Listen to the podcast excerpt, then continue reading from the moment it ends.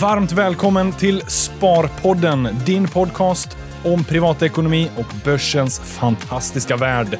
Varje onsdag ett nytt avsnitt. Häng med, för nu kör vi igång.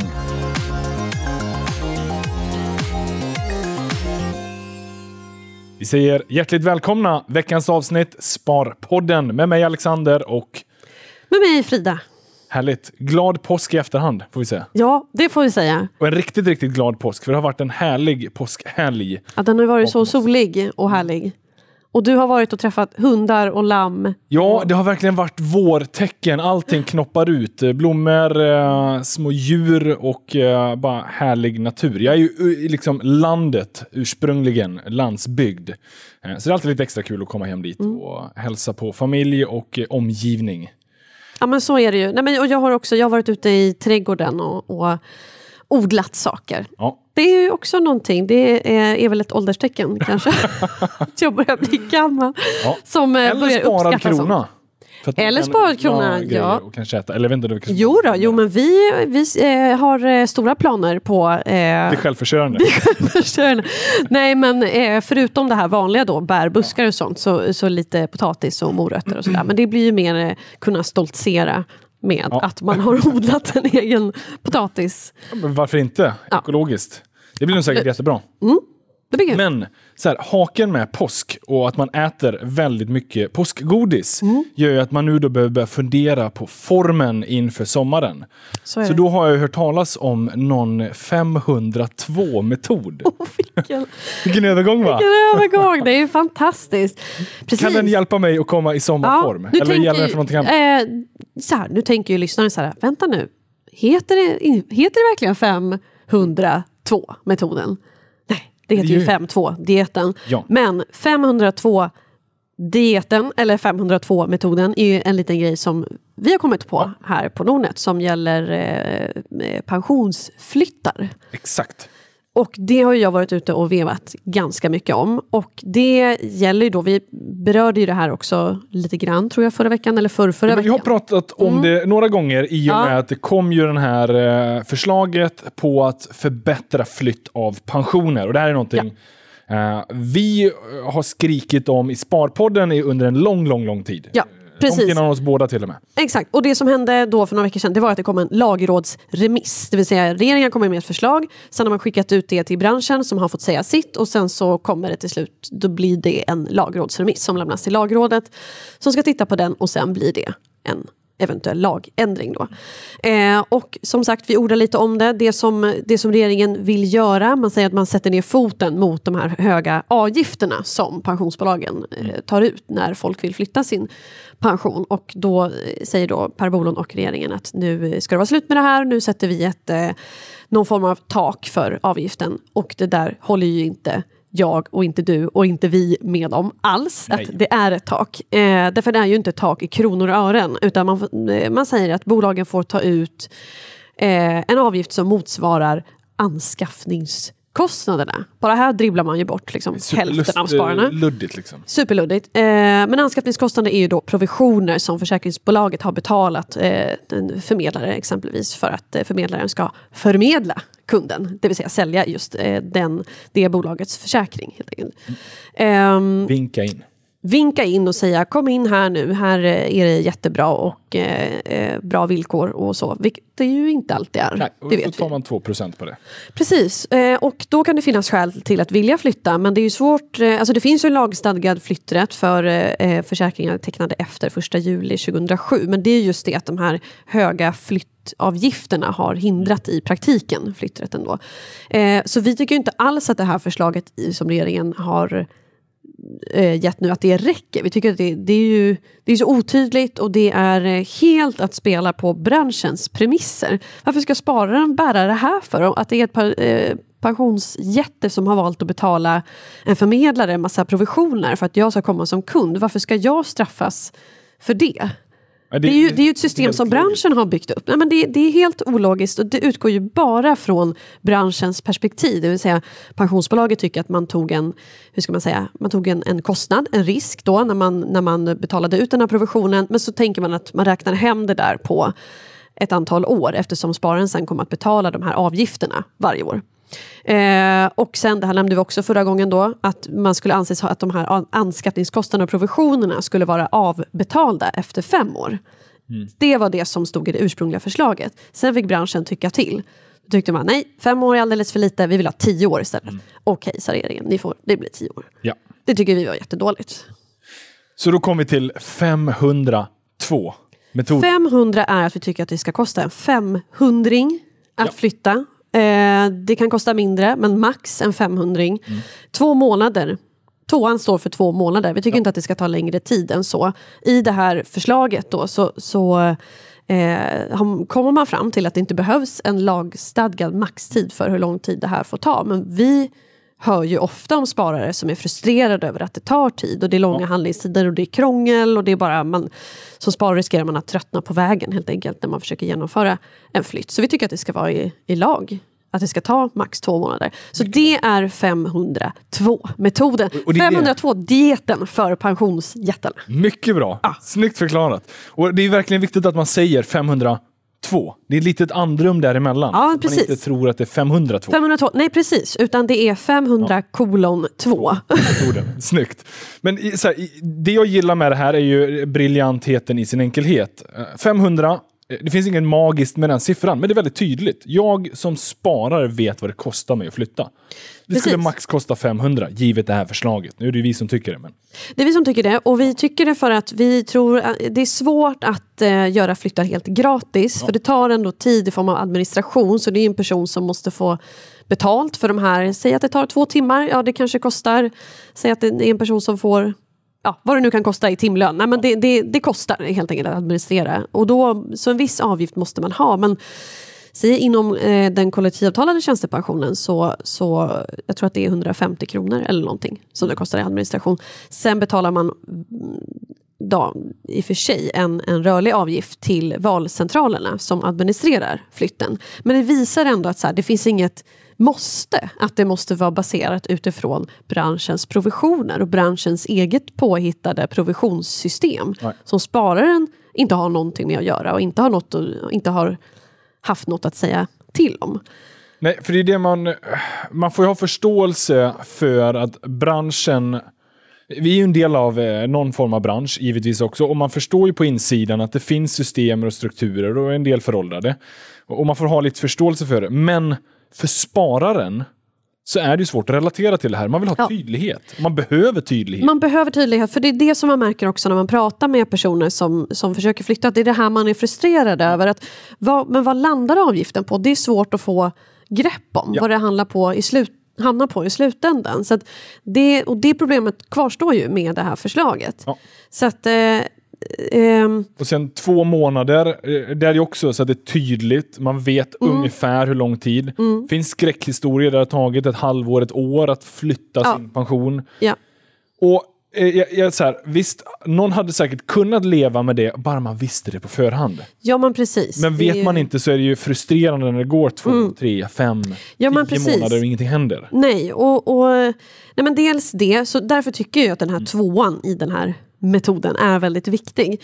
Men just eh, eh, 500-lappen är viktig för att man frångår att det här flyttavgiften bara ska utgå ifrån branschen. Ja.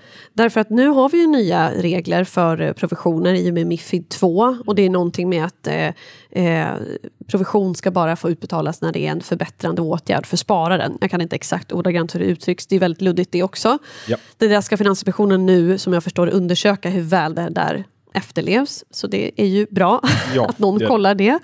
Men ehm, hur som helst, det här gamla provisionssystemet med up, så kallade upfront-provisioner, det kommer ju att leva kvar i och med det här. Alltså även om vi har frångått det här, liksom, de allra värsta eh, provisionerna, så kommer ju det, liksom, de försäkringarna kommer ju flyttas under, alltså det hänger ju med då i under kommande decennier.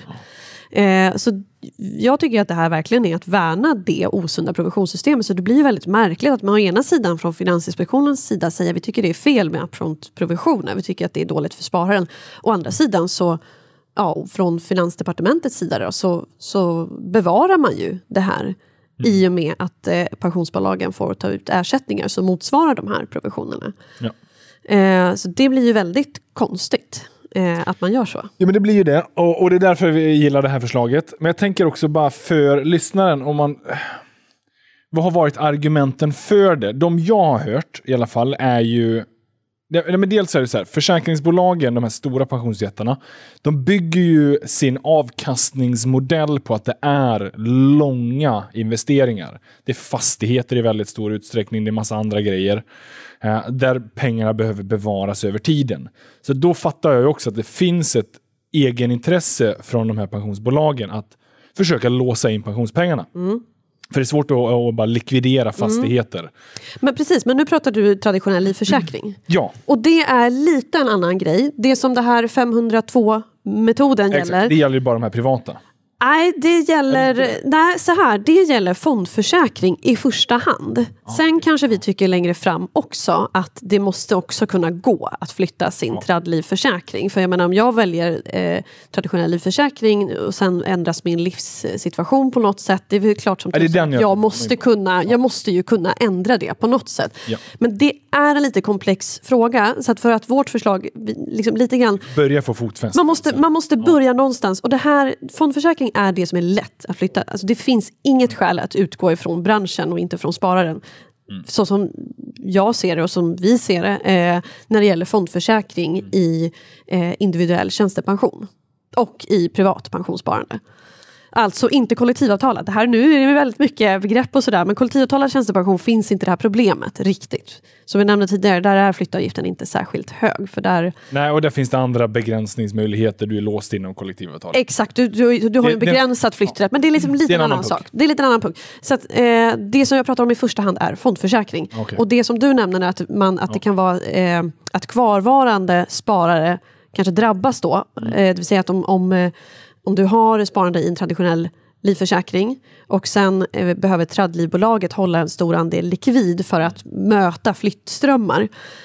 Ja, då hade ju de pengarna kunnat investeras Ja, och det istället. tummar ju på avkastningen. Det tummar på avkastningen. Så det, blir då, så det är en lite komplex fråga. Någonstans så är det inte rimligt att jag aldrig, aldrig någonsin ska kunna flytta min tradliv heller. Men jag köper det argumentet Mm. för tradliv. Men fondförsäkring, Nej, där finns Nej, ingen sån anledning. där finns det ingen sån anledning. Sen eh, så kan någon hävda från branschen att ja men eh, spararen fick ju också anledningen till att man eh, alltså spararen fick ju rådgivning också när man tecknade försäkringen. Mm. Den är Oftast är det ju så. Och den är ju värd någonting kan man ju tycka då. Eh, men eh, det där, jag tror att, jag tror att mycket, mycket skulle städas upp i det här om vi fick ett ändrat synsätt på rådgivning, på oberoende rådgivning. För det hänger också ihop med det här. Eh, om vi skulle vara beredda att betala för riktig oberoende rådgivning så skulle ju inte det här provisionsproblemet hänga kvar. Nej. Oavsett, den större frågan det, är ju att sätta fokuset spararen, inte fokus branschen. Exakt, jag tycker det är så uppenbart. Om man läser den här lagrådsremissen då ser man ju hur regeringen liksom viker sig n- nästan rad för rad här. För det, man kan se vad tycker pensionsjättarna och, och vad säger de och vad säger de och sen är det liksom och så ser man att regeringen ändrar sig helt enkelt efter den här remissrundan. Så att eh, Då är det bra att vi slår emot ja, 502-metoden. 502-metoden, enkelt att komma ihåg. Ja, 500-lapp, inte mer ska det kosta att flytta. Och det ska ta max två månader. ja. Det är snyggt, det är bra. Eh, och hoppas det kan hjälpa mig att komma i pensionsform framöver. Precis. Men du, vi ska också köra massa lyssnarfrågor. Mm. Sånt här gillar jag. Det är alltid lite kul att uh, beta av lyssnarfrågor och vi har fått in supermånga. Uh, vi ska hinna med så många som möjligt. Så därför tänker jag att vi är lite rappa och sen Ja. eh, skjuter vi på. Ja, vi kör. Eh, då är det Hagson på Sharewill som undrar vad har ni för sparkvot på era årsinkomster? Eh, hur är era privata tankar om sparande, ökning av sparande, bästa snåltips om ni själva använder, gör och så vidare. Vore intressant att höra om eh, jag själv slutat snusa och sparar pengarna på Nordnet istället. Det gillar vi. Det gillar vi, det är Ja. jättebra. Ja, det gillar vi. Eh, den borde fler ta efter. Ja. Snus och eh, cigarettpengarna in i aktier istället. In i aktier. Precis. Eh, men sparkvot, det här är en sån där... Eh, det var mycket mer populärt, måste jag ändå reflektera lite över. Det känns som att det inte är lika populärt att hålla på och briljera kring sparkvot. Nej, Det där var en sån där nej. typiskt 2017 års grej. Ja, lite så. Nej, jag tycker att det, för mig hänger det mycket mycket ihop Ja. med FIRE-rörelsen och den Ja, terminologin. Det är i och för sig sant. Den är Eh, fortfarande väldigt het. Den är fortfarande het och är där, där rör man sig ju Ja. rätt mycket med begreppet sparkvot. Jag använder själv inte det. Du mäter inte sparkvot heller? Du har ju ändå koll på ekonomi. Ja, men jag, ja precis. Jag, jag tycker inte att kanske sparkvot eh, i förhållande till min årslön Nej. är det främsta måttet Nej. på något sätt. Men så här, jag själv, jag mäter det. Jag mäter det varje månad. Eh, Jag, är- jag är en sån där som gillar att följa upp ändå. Men inte för att försöka maximera den. Det är inte det viktigaste för mig. Nej. Utan jag vill minimera onödiga kostnader så att jag istället kan maximera trevliga kostnader. Mm. Jag har absolut inget behov av att minimera kostnader helt, helt. Nej. Eh, Jag vill inte leva så snålt som möjligt Nej. för att liksom maxa på någon annan sida. Utan jag vill vara sparsam, men det jag spenderar pengarna på det ska vara sådana saker som förgyller mig. Mm. Ja, men så, det, så, där är vi nog ganska lika, tror Ja. jag. Att, eh, man mår, så har jag alltid varit. Jag mår ju lite dåligt av onödiga kostnader. Ja, men, och så ska Eh, det vara. Och så ska det ju vara, det är ju sunt. Så därför, eh, man, det, det finns ju i en Ja. På något sätt. Men ehm, det, det jag kanske mest, is- istället för att prata i termer av sparkvot så, så gillar jag hellre att säga, ja men jag har mina sparpåsar Ja. och dit går det pengar varje månad. Kan man väl säga. Det blir väldigt så här, istället för, liksom, för, för mig blir det så här en kvot på si eller så. Det blir liksom, jag har inte en påse och det, det är kanske inte det det handlar om heller men jag tycker att det är väldigt eh, jag personligen tycker det är väldigt bra att tänka så här, men här, är ju, här har vi huset, Ja. alltså jag amorterar, det är en sorts sparande, det är till mina barn, till pensionen, så har vi buffert, alltså jag har ju ja, mina påsar helt enkelt, som, eh, där saker går in i. Det är ett mer holistiskt system. Ja, men lite så. Och sen, eh, som sagt, jag gillar att tänka på Ja. det jag spenderar på huset Ja. Som en form av sparande, men det vet jag inte om jag kan räkna hem riktigt. Men eh, det blir lite så när man har hus och man har små barn att det kanske inte... Det blir mycket kostnader som Ja. är svåra att eh, eh, helt ta bort, om man säger så. Så Ja. är det. Eh, och, och jag tycker verkligen inte man ska... Eller det, så här, det beror på. En del vill maximera sin sparkvot och går igång på det där. Så här, all fine, kör på. Men, eh, men man måste också ha förståelsen för att det skiljer beroende på vart man är i livet och vilka, vilka förutsättningar. Ja, exakt. Så där, det är kanske därför jag är ganska försiktig med att prata. Nu när vi, medan vi pratar kommer jag på det, varför jag inte riktigt använder sparkvot. För jag tycker att för vissa så blir det lite irrelevant. Alltså, man måste alltid försöka vara relevant tycker jag när man pratar sparande och anpassa det lite grann efter situation. För, viss, för, vilka är det irrelevant menar du? Eller? Nej, men jag menar att eh, jag tycker att det är irrelevant att prata om sparkvot när jag kanske egentligen behöver prata med någon om att spara till en buffert och betala Ah, av okej. ett, Ja. ett lån. Alltså det handlar om att anpassa budskapen lite grann. Ah, att fattar. det är nog mer att så här, det är ju sparkvot vi pratar om. Ja. Men jag använder inte det begreppet Ah, riktigt. Eh, Men jag, i vilket fall, jag mäter. Eh, jag hade 23 procent förra månaden, kommer jag ihåg, för jag kollade upp det innan det här. Eh, men den är också så här, det varierar ju beroende på vilka utgifter man har. Men jag skulle nog säga att jag ligger nog i snitt under där. Eh, men det tycker jag är ganska lagom. Det är bra. Men någonstans handlar det om att man vill, eh, man vill ändå ha en tillvaro där man kan njuta lite grann Ja. av livet. Eh, utan att liksom i överflöd men ändå känna att man har ett bra liv men ändå lyckas spara.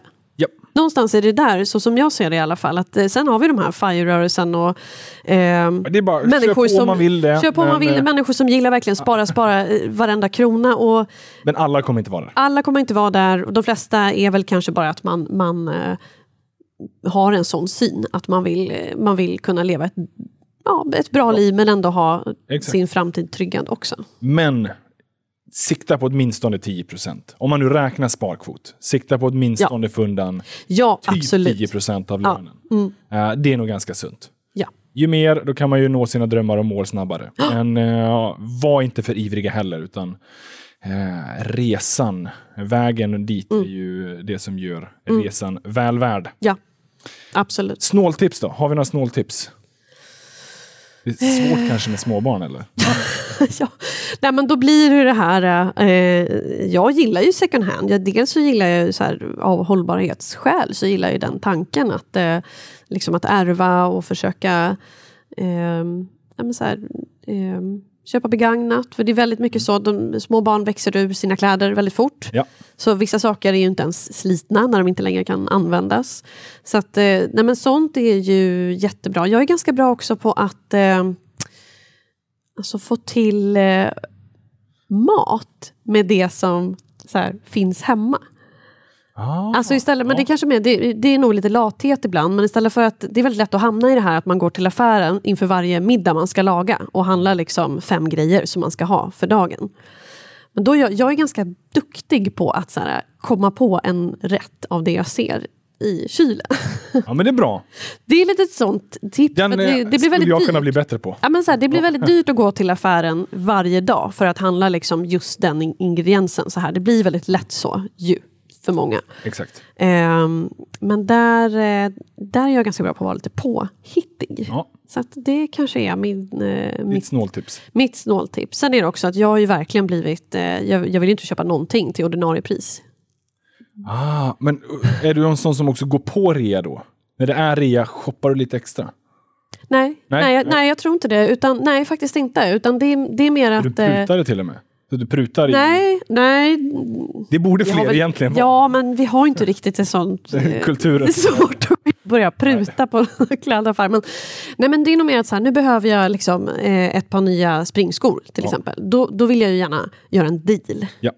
Då vill jag gärna liksom, jag vill inte betala ordinarie pris. Vilket är så här, man kan förstå att klädhandeln är lite pressad Ja. när folk resonerar så, som jag själv gör. Men på tal om att pruta. Det går ju faktiskt idag. Eh, och framförallt med elektronik. Ja. Jag har inte... Det var inte i närtid jag har gjort det i alla fall, men jag, jag vet att många börjar ju erbjuda idag att om du hittar ett liknande pris så matchar vi. Just det. Mm. Så att om man bara kan liksom fråga sig runt bland elektronikbutikerna så kan man ju ofta hitta lite billigare någonstans och sen gå och matcha. Mm. Men vet du, de har ett knep med det där också. Ah, okej. Vill du höra? Ja. Eh, ofta så har de inte lika produkter. De har snarlika produkter. för Så att en produkt som du tycker så här, men den där fanns ju på Elganten och nu, Ja. nu finns det likadan på Mediamarkt. Då ser du liksom i serienumret att det, Ja. det är en liten, liten, liten detalj som gör att nej, det är inte samma produkt. För jag gjorde det för, nu var det kanske två år sedan, med en rakapparat. Där det verkligen var liknande produkt. Och den var 200 kronor billigare eh, som jag hittade och, och då fick jag mellanskillnaden.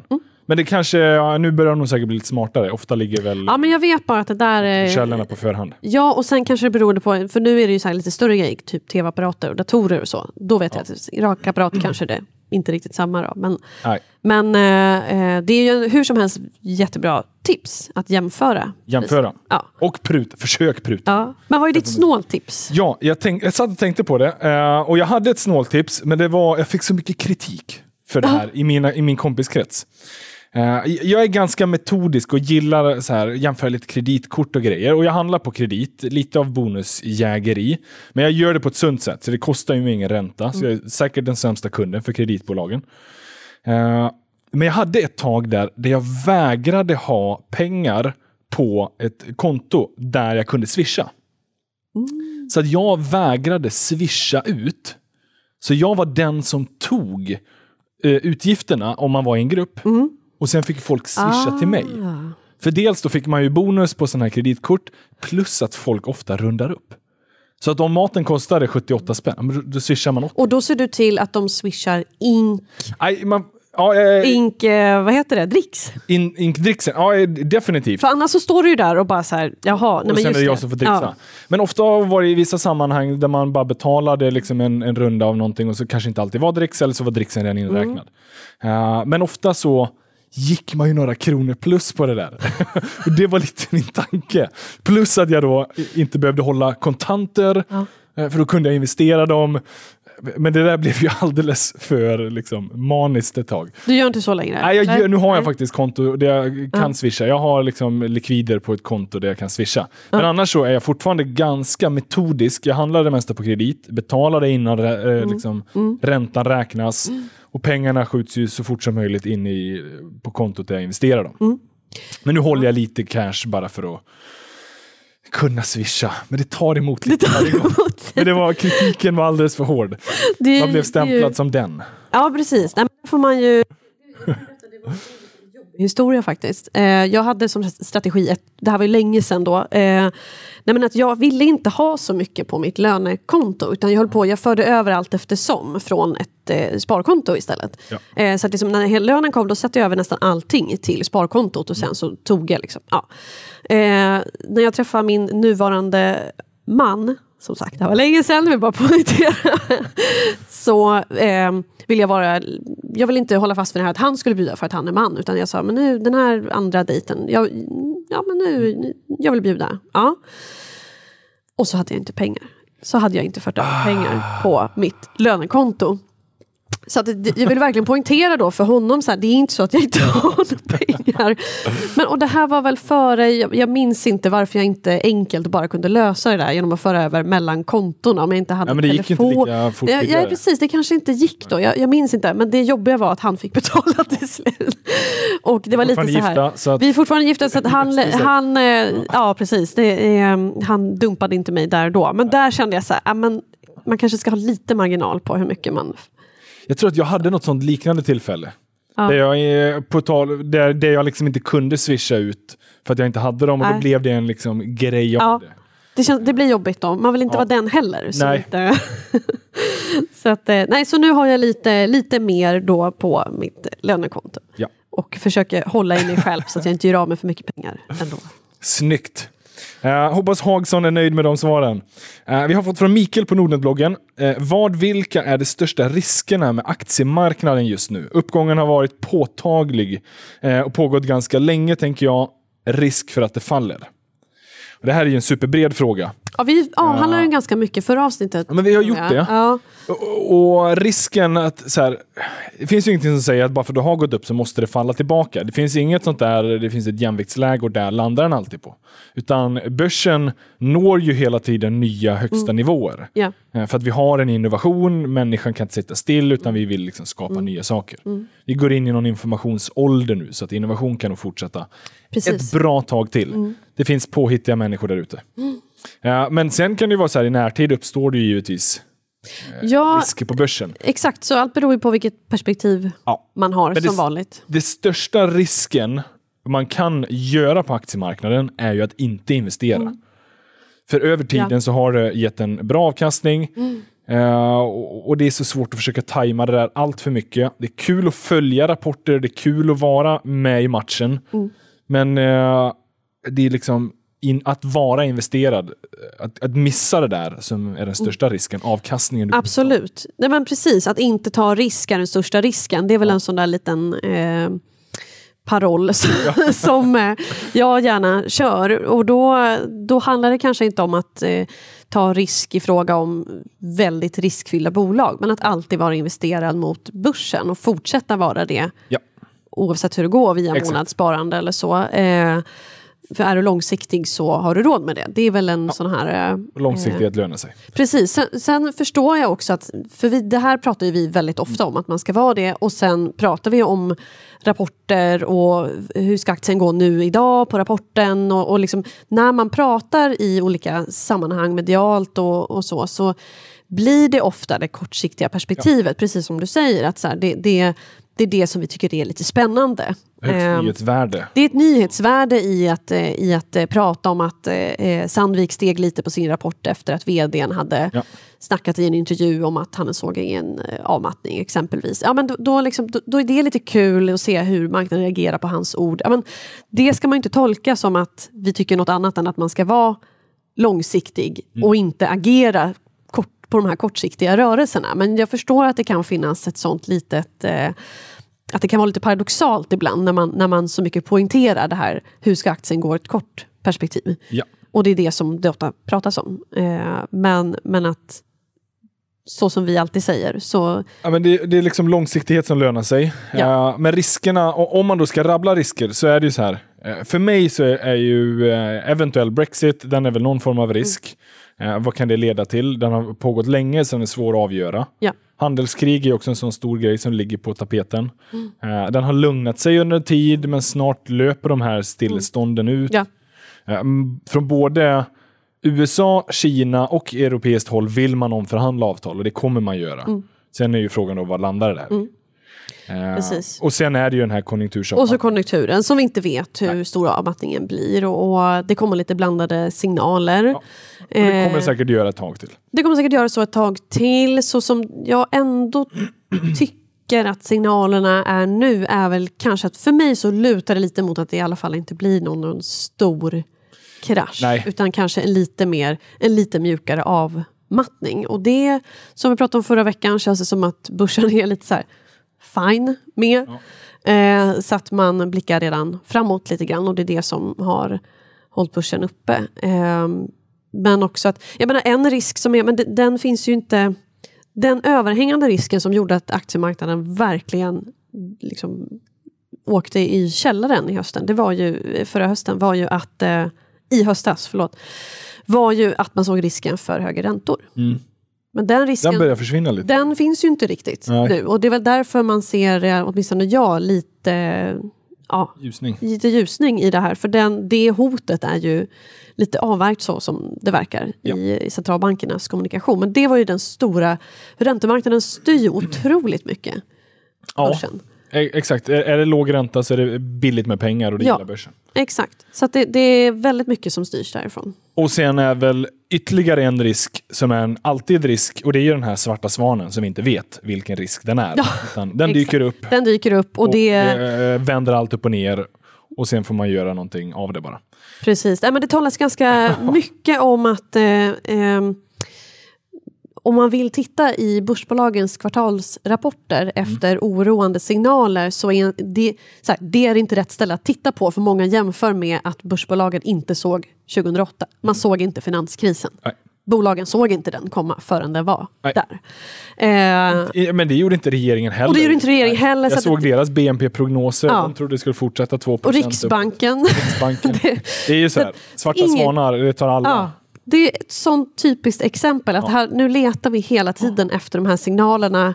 Vi hittar dem lite grann, men inte riktigt. Så att, ja, vi vet från historien att de kan dyka upp de där. Japp. Men, men var de är och, och vilken svan och när den kommer, det återstår att se. Ja. Fortsätt lyssna på Sparpodden så kommer vi uppdatera dig när den, när den dyker upp. Vi säger till. Vi säger till, jag lovar. Men på tal om det, du pratade lite om rapporter. Vi fick faktiskt en annan fråga från Freddy på Nordnet-bloggen. Just om att ni pratar om rapporter i förra avsnittet. Är inte det lite mycket fokus på just kortsiktig spekulation att följa rapporter? Varför är det så stort intresse av att följa hur aktierna gått varje kvartal? Är det inte bättre att kolla på längre sikt, typ fem år? Ja, det är det ju. Och det är ju det. Ja, Svaret är ja. ja, det är faktiskt det. Ja. Det är som du sa tidigare, lite nyhetsvärde. Eh, Men det är ju spännande. Det är spänn- det, det är ju så. Och framförallt om man bara tänker så här, okej vad är alternativet? Säg att vi inte skulle få rapporter varje kvartal. Mm. Då kommer vi ha problem också. Att det finns någon som Absolut. sitter på mer information än marknaden. Det kommer vara analytiker och andra insatta som har mer information och kan agera på det. Mm. Det kommer att straffa den större privata massan. Förmodligen. Alltså spararna har ju bara chans att få en insikt i sin investering fyra gånger per år Ja. nu. Så att, eh, det är klart att det blir ett stort intresse när det Sker. sker. Ja. Men sen kanske man inte ska lägga all vikt där, utan Nej. man måste ju också höja blicken, tänka lite längre. Absolut. Och det är det egentligen alla gör. Men man pratar i termer av så kom Sandviks eh, omsättning eller vinst in jämfört med förra kvartalet. Ja, men det är lite medialogik i det där helt Ja. enkelt också. Att, eh, eh, Men jag personligen sätter det i, alltid lite i relation till men hur ser den längre trenden ut och hur liksom mår bolaget på lång sikt. absolut. Och, och då får vi påminna det om att ha med er den synbilden också. Precis, lyfta blicken men addera det som sägs i kvartalsrapporten till den bilden. Verkligen. Men bra, bra, bra, fråga. bra fråga Freddy. Eh, vi har fått från Elin också på bloggen. Eh, mycket prat om att plocka ut tjänstepension på fem år eh, och sen inom parentes ibland tio år. Är det rimligt att räkna med att man dör efter fem år efter pensionering? Vad är era tankar där? Eh, nej, första är ju nej. Det hoppas jag verkligen inte Det, nej, med. det, nej, precis. Det, men det, och det är ju, eh, rent krasst är det inte heller rimligt att Nej. räkna med det. Eh, man vill inte räkna med det och det är inte rimligt att räkna Nej. med det. Så att, eh, det är en del snack om att ta ut pensionen på kort tid. Ja. Alltså tjänstepensionen pratar vi väl framför allt här nu, för det är det som har varit Ja, mycket prat om. Att man exakt. tar ut tjänstepensionen just på fem år. Eh, man kan ju göra det. Jag tror att hon har fått eh, siffran 5 ifrån att 5 är ju just minsta Det är det lägsta. lägsta Ja. eller kortaste tiden du kan ta ut. Ja. Sen kan du ta ut 10, 15, 20 eller livsvarigt. Eller Ja. sådär. Eh, nej men precis, det är ju lite snack om det för att det är en ökad andel som gör det. Mm. Det har gjorts studier på det här då. Eh, och det finns en liten oro bland ja, pensionsexperter och så att den här trenden ökar. Och det finns absolut de som kan ha skäl att ta ut pensionen på kort tid. Jag menar, säg att du är sjuk. Ja. ja. Alltså du, du, du tror verkligen inte att du kommer att leva särskilt länge till. Eh, då kan det finnas en poäng. Så man, kan ju aldrig säga, man ska ju aldrig säga att någonting är helt fel för alla. Eh, men för väldigt många så kommer ju pensionsåren vara fler än fem år. Det kommer vara väldigt många fler. Ja, och har man bara då inkomstpensionen kvar att leva på då kan ju det bli väldigt jobbigt. Och det blir ju lite grann en, om man jämför med eh, alltså sin slutlön och vad man får i bara inkomstpension så blir ju det en enormt stor skillnad. Alltså det blir ju en, har du kvar samma kostnader Ja. så blir det ju en otrolig skillnad i, i disponibel inkomst som du sen har Mm. kvar. Så att, eh, ja men, alltså vi, är ju, vi pratar ju 50 procent kanske. Eller mindre. Som man ska ta ut... eh, Som du har en Nej, inkomst som du har av lönen ja. ja, i, i, i eh, andel av slutlön. Exakt.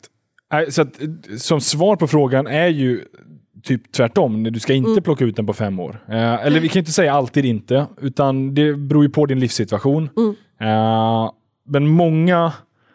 Jag tror att många dribblar bort sig där, att de försöker plocka ut alldeles för tidigt. Ja, men man tänker att man kanske är ung och, och pigg och alert och vill resa och så. Men eftersom vi lever längre så är vi också friskare längre. Ja. Eh, vilket betyder att man kanske, man kanske vill göra saker under fler år än bara de här fem åren. Ja.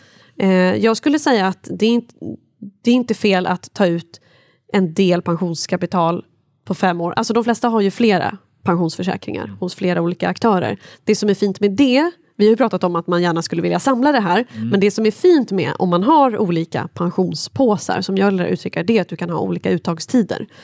Så att du kan ju ta ut den, om du säger att du har en pensionsförsäkring som ligger placerad till väldigt dåliga villkor och apropå flytträtt, du kanske inte heller kan flytta den.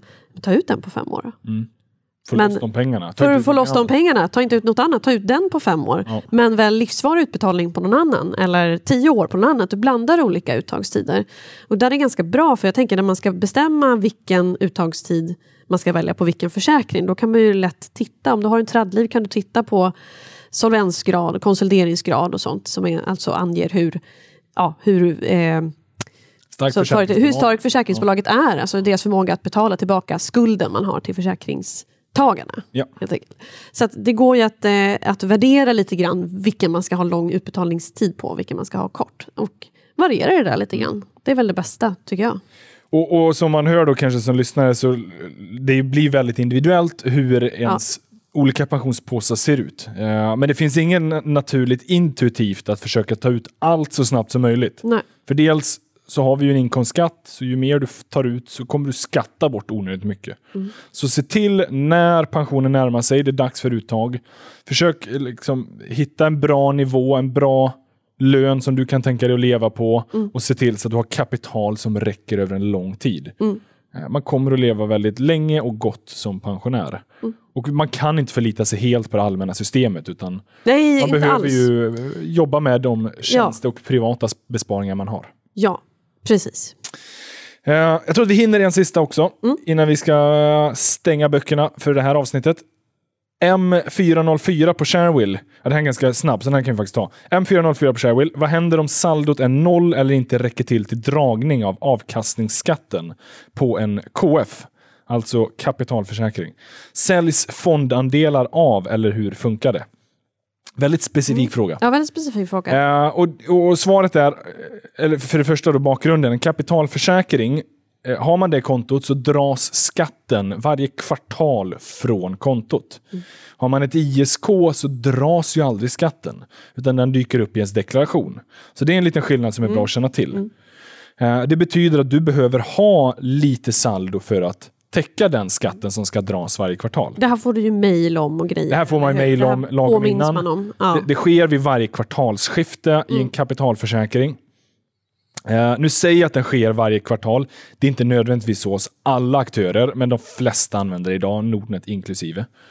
Eh, och har man då inte saldo på kontot, alltså det är noll, då kommer fondandelar att säljas. Och då brukar, eller Nordnet vet jag i alla fall, utgår ifrån där man har störst påse pengar eller störst investerat kapital, det är den fonden man då säljer. Det blir ofta liksom några kronor som man behöver sälja av för att täcka skatten.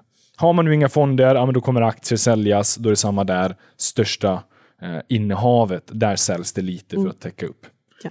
Eh, aktier blir ju lite jobbigare för de är ju hela poster. Så att är det bara några kronor och en aktie kostar 140, ja, då är det en 140-lapp du får ut. Men, eh, men ofta har man någon fond och då är det det som säljs. Ja. Men som ett tips för den som har kapitalförsäkring, kom ihåg att skatten dras varje kvartal. Ja. Eh, och det kan ju vara någon krona det kanske kostar. Är det bra att ha det där. ja, precis. Vi hann med den väldigt snabbt. Jag tror att det här var eh, Sparpodden för den här veckan. Yes. Mycket frågor. Det, och det är lite kul med frågor också. Det är jättekul med frågor, så fortsätt gärna skicka in Ja. ni som lyssnar. Är, eh, Och vi får in dem från många olika ställen eh, och ni kan fortsätta att skriva dem i våra olika kanaler. Men om det är möjligt så centrera dem gärna på antingen hashtag Sparpodden på Twitter eller väldigt många skriver i eh, Sparpodden-gruppen på Sharewill. Men man kan också mejla oss. man kan mejla. Man kan mejla sparpodden nordnet.se. Kan man det? Då dyker det upp i min mailbox. Fantastiskt. Ja. Att, det går alldeles utmärkt. Ja. Mm. Sparpodden nordnet.se. Eh, och man kan givetvis vara anonym, så behöver vi inte ta upp... Eh, det är många som har sina alias och så vidare. ja. Eh, men fortsätt gärna fråga. Eh, påverka innehållet. Det är eh, delvis poängen med Sparpodden, att du som lyssnare ska få vara med och påverka vad du vill höra. Men jag tror att vi tackar för oss. Ja, det gör vi. Tackar för dem eh, och bjuder på de här eh, spartipsen och eh, pensionstipsen Yes. och 502-metoden. 502 miljoner. Glöm inte vad ni hörde den först. Exakt. Snyggt. Vi ses och hörs igen nästa vecka. Hej! Hej då.